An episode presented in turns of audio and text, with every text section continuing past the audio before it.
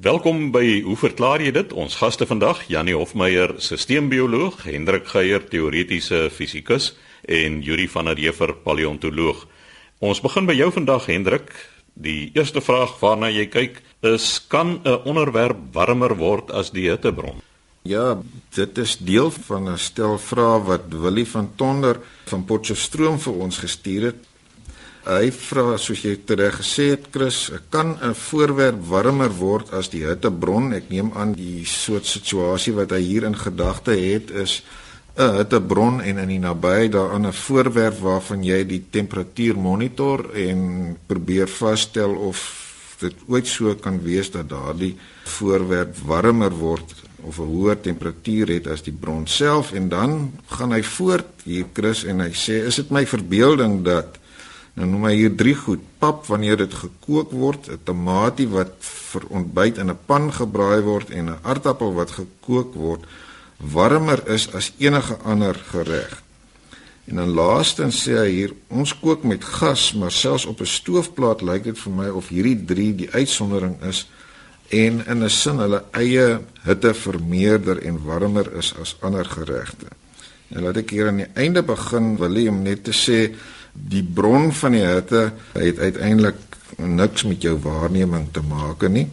En dit is inderdaad so dat 'n voorwerp wat aan 'n warmer omgewing blootgestel word, nooit warmer kan word as daardie omgewing nie. Uiteindelik word daar 'n ewewig situasie bereik waar die voorwerp wat aan die warmer word is, net soveel hitte uitstraal as wat hy ontvang van die aanvanklik stralende omgewing en dit is dus nie moontlik dat soos jy dit stel 'n voorwerp sy eie hitte kan opbou nie.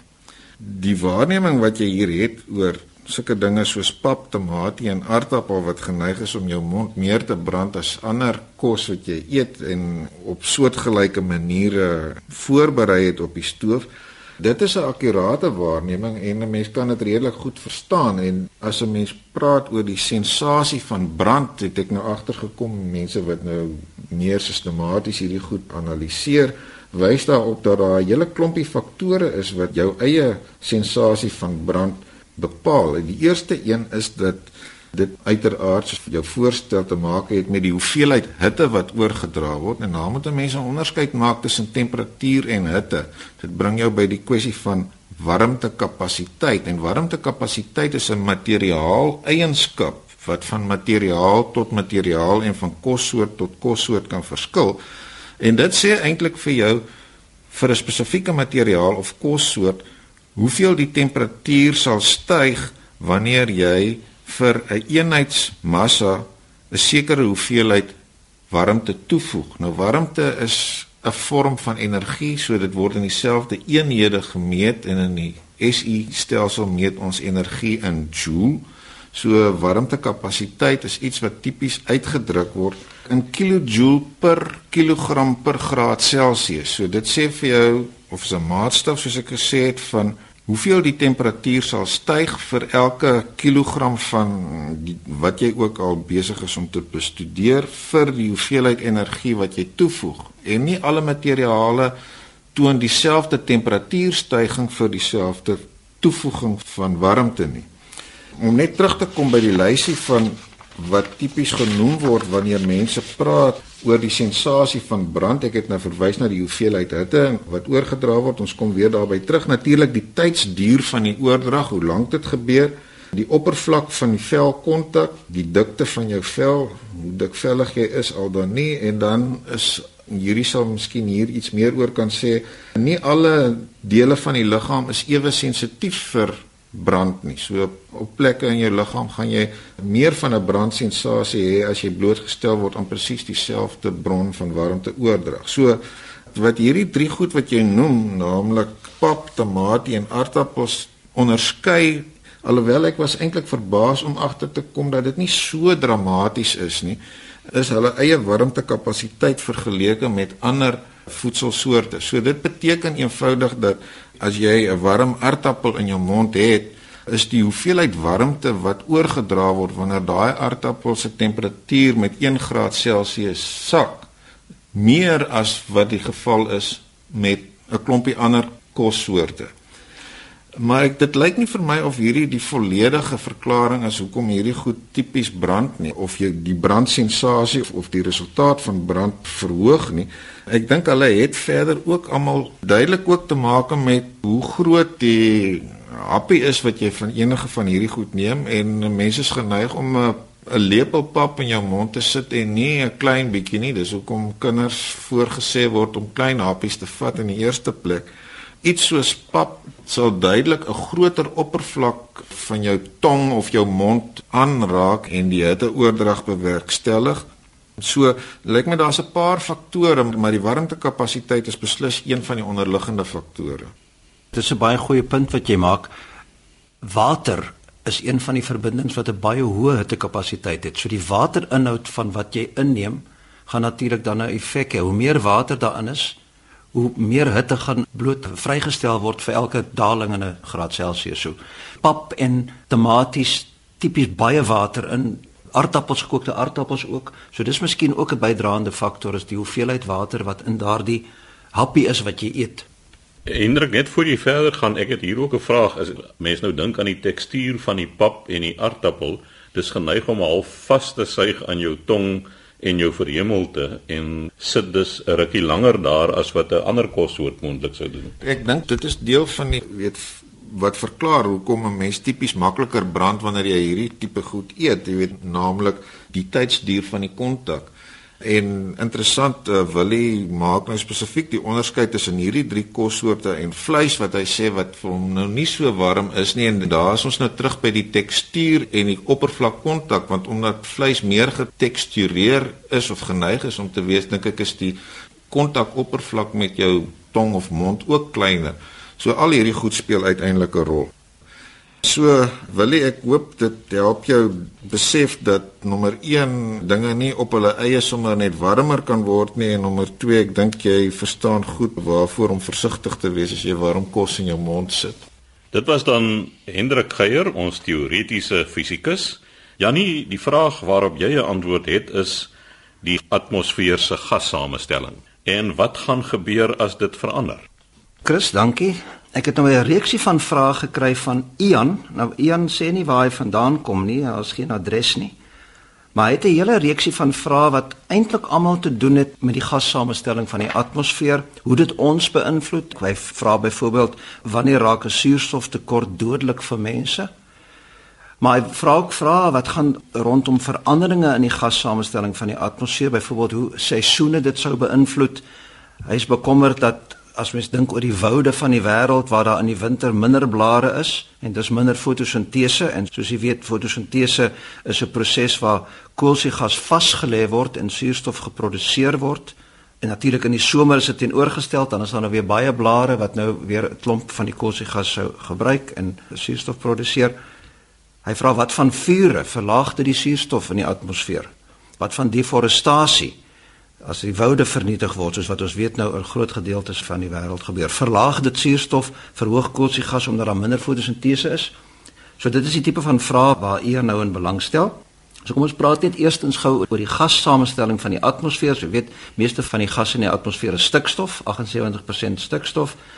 En die res is omtrent alles suurstof 21% so dit bring ons tot by 99 en van die oorblywende 1% is meestal argon So 0,93 van daardie 1% is die inerte gas argon en dan die oorige stukkies is dan koolstofgas 0,04% so baie baie lae konsentrasie koolstofgas in die atmosfeer en dan is daar gasse soos neon en helium, krypton, waterstof, metaan maar dit is baie baie lae konsentrasies. So hy dink eers aan suurstof en wat dit aan ons doen as dat 'n min suurstof is. So ons weet ons asem suurstof in van die suurstof word dan vervoer na ons weefsels toe deur hemoglobien en in die weefsels word die suurstof gebruik vir die oksidasie van organiese verbindings soos koolhidrate en so en word dan gereduseer na water toe. En die koolstofgas wat ontstaan as gevolg van die oksidasie in die weefsels, die word dan weer deur die, die hemoglobien na die longe toe gedra en uitgeasem, so waar ons baie min koolstofdioksied, koolstofgas inneem asem ons 'n baie hoër persentasie uit. So dis omtrent 4 tot 5% minder suurstof en meer koolstofgas wat in die die lug wat ons uitasem. So in die lug het ons uitasem so 14 tot 16% suurstof en 4 tot 5% koolstofgas. Ek dink hy's Ian is ook bekommerd dat dit nou die gassamestelling gaan verander, maar natuurlik die ou bietjie wat die mensdom in en uitasem en die res van die diere in en uitasem is nie genoeg om werklik te karring aan die gassamestelling van die atmosfeer nie. So dit bly baie stabiel. Die atmosferiese samestelling van gassamestelling is 'n baie stabiele ding. Ons weet egter dat as ons te min suurstof het, dan kan ons nie verder lewe nie, ons gaan dood. En die vraag is, wat is dit? So In die eerste plek gaan dit nie soveel oor die konsentrasie van suurstof in die atmosfeer nie, dit gaan oor die druk. Die sogenaamde partiële druk van suurstof is wat bepaal wat die versadiging van suurstof in ons bloed is. En daar's twee maniere natuurlik om nou die partiële druk te verander. Die een is om suurstof uit die atmosfeer uit weg te vat sodat daai 21% nou minder word, maar daar's geen prosesse wat dit doen nie. Dis 'n baie stabiele persentasie daai. Die belangrikste effek op partiële druk is natuurlik hoogte bo seespieël. En hoe hoër ons gaan, hoe laer is die lugdruk en hoe laer is die partiële suurstofdruk. So as ons byvoorbeeld gaan van seespieël tot omtrent so sê kom 2400 meter bo seespieël, dan val die partiële druk van suurstof van omtrent 160 na 120 mm kook, een van die maniere wat ons uh, eenheid kan gee aan die druk. So dit gee omtrent so 91% versadiging van die bloed. By seespieël is, is die bloed omtrent 100% versadig met suurstof. Soveel suurstof soos wat kan oplos is daarin opgelos. As ons dan nog hoër gaan na omtrent 5500 meter bo seespieël, dan val die suurstofparsiële druk na 80 mm kook en dit is dan 41% versadiging van bloed en dan is ons regtig het ons 'n probleem. Dit is heeltemal te min. Op daai stadium kry baie mense hoogte siekte wat dan veroorsaak dat jy water op die brein en of water op die longe kry en dis werklik geweldig gevaarlik. Mens moet onmiddellik weet na laer hoogtes gaan om die hoogte siekte om te keer. Ek het so 'n klein bietjie persoonlike ervaring van hoe mens voel teen daai hoogtes. Ek was al bo op Kilimanjaro gewees en ek was twee keer op Everest by die Everest basiskamp gewees en ook op die Annapurna roete waar ek hele paar keer by 5400 5500 meter was. En dit is regtig moeilik. As jou liggaam nie aangepas is daarvoor nie, dan het jy te min rooi bloedliggaampies en jy het nie genoeg hemoglobien om die suurstof, die bietjie suurstof wat daar is te dra nie. Iemand het vir my gesê as jy op Kilimanjaro gaan, dit was nou voor die tyd, jy gaan voel asof iemand 'n opgerolde sokke in jou mond druk en jy probeer daardeur asemhaal. Dis werklik soos wat dit gevoel het. Dit is regtig nie 'n lekker gevoel nie. Maar wat fantasties was as my eerste ervaring op Everest was 'n 21 dae toer. So toe ons terugkom, toe was my liggaam aangepas. Jy het 'n geweldige hoë rooi bloedtelling, so jy die bietjie suurstof wat daar is, kan jy goed hanteer. En die verskil wat dit maak 20 dae later as jy nou weer slag by daai hoogtes kom, is fenomenaal. Jy stap daar asof jy by die huis is. Terwyl die eerste keer kan jy omtrent nie 'n voet voor die ander sit nie. So dit is 'n enorme effek wat 'n suurstoftekort op jou liggaam het. So, dit wat respirasie betref, as dit gaan oor koolstofgasstabiliteit, Ian praat meestal oor hy's bekommerd oor variasies in suurstof, maar ons hoef nie oor suurstof bekommerd te wees nie. Ons moet bekommerd wees oor variasies in die koolstofgaskonsentrasie van die atmosfeer. Nou, dit is nie 'n stabiele ding nie. As mens kyk oor millennia heen, is daar groot variasies. Omtrent so dit varieer so in siklusse van 180 dele per miljoen in die ystye tot so 280 dele per miljoen tussen die ystye. En dit is nou oor die laaste 400 000 jaar was daar 'n paar van hierdie siklusse gewees. Aan die begin van die industriële revolusie was die konsentrasie aan word gewoonlik dan gepraat van dele per miljoen in plaas van persentasies was omtrent so 240 dele per miljoen en dis 'n is 'n baie stabiele op die kort termyn baie stabiel. Ons kry jaarliks so 'n fluktuasie van 3 tot 9 dele per miljoen rondom die huidige en nou is dit 'n gewellige getal 400 dele per miljoen vanaf die industriële revolusie 240 tot by 400. So dit wys wat ons nou gedurende die tydperk sedert die industriële revolusie aan die atmosfeer gedoen het. Dit is nou amper 2 keer so hoog as wat dit was. Maar rondom daardie waarde is daar dan 'n klein fluktuasie. Interessant genoeg, daar is 'n fluktuasie wat met die seisoene gekorreleer is, veral met die noordelike halfrond waar daar meer woude is as in die suidelike halfrond. So mense vind dan in die noordelike halfrond se groei seisoen wanneer daar baie fotosintese is, dan neem die koolstofgaskonsentrasie natuurlik af omdat dit gesekwestreer word deur die plante en die suurstof neem toe en dan in die winter as daar geen groei is nie en minder blare, dan is daar 'n wisseling na die ander kant toe. Maar dit is baie min. Dit is maar net so rondom 5 dele per miljoen. So ons het werklik 'n probleem in terme van aardverwarming en dis natuurlik 'n onderwerp wat staan op baie mense se agenda is. Ek het nou weer gesien in die volgende vergaderings waar president Obama baie baie sterk uitkom vir die feit dat ons het net een planeet en daar's nie 'n plan B nie. Ons moet iets doen om die aardverwarming te stop. So dis baie hoë koolstofdioksied konsentrasies nou meestal veroorsaak deur deforestasie, 'n groot probleem is, en dan natuurlik verbranding van fossielbrandstowwe. En dit is wat ons noem antropogeniese oorsake, oorsake wat aan die mens gekoppel kan word. So ons weet nou die koolstofgaskonsentrasie klim jaarliks met omtrent 2 dele per miljoen en dit is ook besig om te versnel.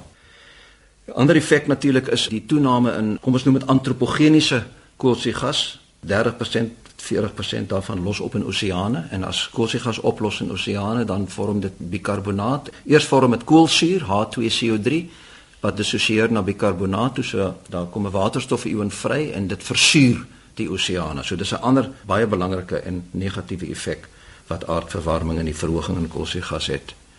So een ek hoop dit beantwoord 'n klomp van jou vrae wat nou soos ek gesê het nie soveel met suurstof uit te waai het nie maar meestal met koolstofgas en die verandering in die koolstofgas van die atmosfeer. So sê Janie Hofmeyer, ons sisteembioloog, laaste aan die woord vandag Yuri van der Heever en Yuri, jy het dit oor transhumanisme. Nou ek het nie geweet jy wil die politiek betree nie. Chris, 'n brief van Erich Hen van Nylstroom en hy sê hy wil graag verneem hoe ons nou kan praat oor die onderwerp van die invloed van tegnologie op menslike evolusie. Daar word selfs al gepraat van transhumanisme en hy sê hy weet die onderwerp is baie wyd, maar hy hoop ons sal 'n gesprek kan voer en ek dink inderdaad so, maar ek wil ook vir Henk en Jannie vra om op enige punt as jy 'n bydrae het om maar net in te klim.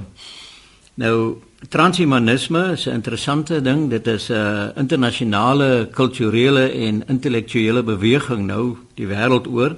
Hulle het hulle eie joernale en hulle het ook so 'n embleem wat transhumanisme verteenwoordig. Dit is gewoonlik die letter H met 'n plus agterna. En die doel van hierdie organisasie is om die mens se bestaan met behulp van tegnologie te ontwikkel en te verbeter, maar hulle bedoel dit in die oortreffende trap. Hulle konsentreer veral op die menslike intellek, op die mens se fisiese vermoëns en ook op die mens se sielkundige vermoëns. Hulle voorsien 'n nuwe soort mens wat uiteindelik sal ontwikkel. Nou ons praat dikwels hier as dit oor die literatuur gaan in die nuwe wendings in die literatuur praat mense van die postmodernisme. So hulle het die terme aangegryp en beweer dat ons uiteindelik 'n postmoderne mens sal ontwikkel met behulp van hierdie tegnologiese ingryping. Nou daar is natuurlik geweldige kritiek daarteenoor. Baie mense het vel kritiek en sekere van die kritici beskryf hierdie beweging as een van die gevaarlikste idees in die wêreld. Nou Die woord transhumanisme is die eerste keer gebruik deur 'n baie bekende bioloog Julian Huxley in 1957 wat hy dit in 'n artikel gebruik het. Daar word ook gepraat van deelnemende evolusie.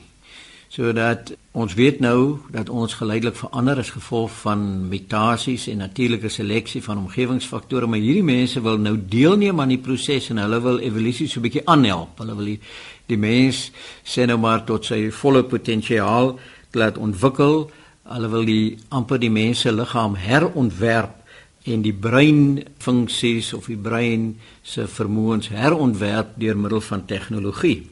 So hulle sien hulle self dat hulle voorstander is van aanvullende evolusie op grond van tegnologie en die doel daarvan is om die biologiese beperkings wat ons ervaar basies te verwyder. Nou enige iemand van ons weet dat as jy nou kyk na die atletiek kompetisie internasionale een in China, dit is moeilik vir mense en daar's net 'n paar mense in die wêreld wat die 200 meter in minder as 20 sekondes kan hardloop. So daar is 'n sekere beperking, daar's 'n fisiese beperking. Daar's 'n beperking op ons sig. Ons weet ons sien nie baie goed nie. Dis die brein eintlik wat die beelde wat ons op ons retinas kry wat dit dan verfyn en verbeter, maar ons onder die wêrelddiere is ons sig nie baie goed nie. En ons is ook nie so sterk dat ons allerlei take kan verrig nie. Nou die transhumaniste reken dat as hierdie tegnologie beskikbaar is, dan behoort mense 'n vrye keuse te hê om te sê hulle wil hierdie kom ons sê toegevoegde waarde tot mens wees wil hulle gebruik. Hulle wil hierdie tegnologie vir hulle self inspan en nie net vir siektes nie, want daar is gevalle waar dit al gebruik word vir siekte en vir mense met gestremthede. Hulle wil die bestaande menslike vermoëns wil hulle verbeter en die eienskappe wat ons liggame het wil hulle ook verbeter. Die vakrigtinge wat hulle teiken is byvoorbeeld die nanotegnologie waar jy van baie baie klein apparaatjies gebruik maak en ek dink 'n paar jaar gelede was daar juis al so 'n rolprent gewees, Amerikaanse rolprent noodwendig waar 'n hele span medisyne verklein is en dan in die bloedstroom van 'n baie belangrike persoon ingespuit is om dan nou sekere probleme te gaan herstel iewers in die bloedstroom. Maar hulle voorsien deesdae dat daar baie klein apparaatjies is wat dan in die menslike liggaam so ingeplaas kan word. Informasietegnologie word hierby betrek en dan ook die kognitiewe wetenskappe wat gewoonlik saamgestel word as filosofie, sielkunde, antropologie, kunsmatige intelligensie, taalwetenskap en dan ook die neurowetenskappe. Nou een van die goed wat hulle al aan werk en ek dink daar is al so min of meer so 'n uh, eh, apparaat in Japan gemaak is iets wat bekend staan as 'n exoskelet. Nou ons het 'n inwendige geraamte, 'n endoskelet en sekere diere het 'n uitwendige geraamte, 'n exoskelet. En hierdie is dan so 'n harnas, 'n wapenrusting wat 'n persoon kan aantrek en dit het 'n hidroliese funksie sodat sy bewegings dan kan vinniger of sterker wees. Nou dit het 'n tipiese toepassing vir soldate wat dan geweldige swaar ladings kan dra. Brandweermanne wat byvoorbeeld in geboue moet ingaan wat beskerm kan word teen hitte of teen ineenstortende geboue. Daar word selfs beweer dat chirurge so 'n uitwendige pak kan aantrek wat dan hulle vaardighede, hulle handbewegings so kan verfyn dat hulle baie fynere operasies en baie sekuurder operasies kan uitvoer. En dan natuurlik verpleegsters byvoorbeeld wat dikwels in die moderne tyd met uh, redelike lywige pasiënte te doen het. En indien so 'n apparaat dan nou deur 'n verpleegster gebruik word sal sy so 'n pasiënt maklik kan hanteer sonder dat daar ander mense by hoef te wees en dus op arbeid spaar. Pasiënte wat byvoorbeeld beroerte gehad en moeilik beweeg of selfs rugmurgbeserings gehad het, sou dan so 'n uh, hidroliese exoskelet kan aantrek en dan weer uh, relatief normaal beweeg.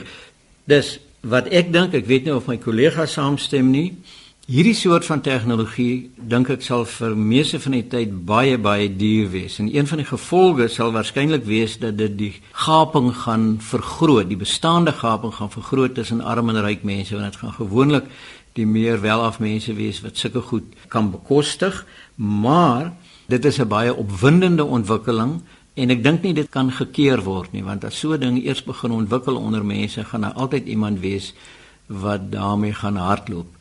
So ek dink dis 'n opwindende ontwikkeling, maar Erig uh mense sal dit seker maar probeer om met omsigtigheid te benader. Hierdie hierdie is natuurlik 'n baie kontensieuse onderwerp en daar's baie filosofiese aspekte daaraan verbonde. Een van die dinge wat ek oor bekommerd is wat daaroor oor gepraat word natuurlik om lewe te verleng sodat ons nou om een of ander rede nie doodgaan nie. Dis 'n probleem en uit op individuele oogpunt klink dit na 'n goeie ding. Maar uit 'n kollektiewe oogpunt is dit natuurlik 'n baie slegte ding. 'n Deel van lewe is om dood te gaan. Mens moet plek maak vir ander, veral as mens na natuurlike evolusionêre proses kyk. Jy stuur kopieë van jouself die omgewing in met klein veranderingkies, maar jy moet jouself uit die omgewing uithaal sodat daar plek is vir die nuwe variasie wat geskep is. So as almal nou ewe skielik vir baie jare langer lewe, het ons 'n probleem. En nie net 'n plekprobleem nie, want ons is al klaar te baie, maar ook 'n evolusionêre probleem want evolusie en verandering hang juist daarvan af dat daar heeltyd 'n omset is. So om te lewe is ook om dood te gaan. Dit dan wat betref transhumanisme, ons sê dankie aan ons drie gaste, Janie Hofmeyer, Hendrik Geier en Judy van der Heever. Skryf gerus aan ons by hoe verklaar jy dit? Posbus 2551 Kaapstad 8000 of stuur 'n e-pos aan chris@rsg.co.za.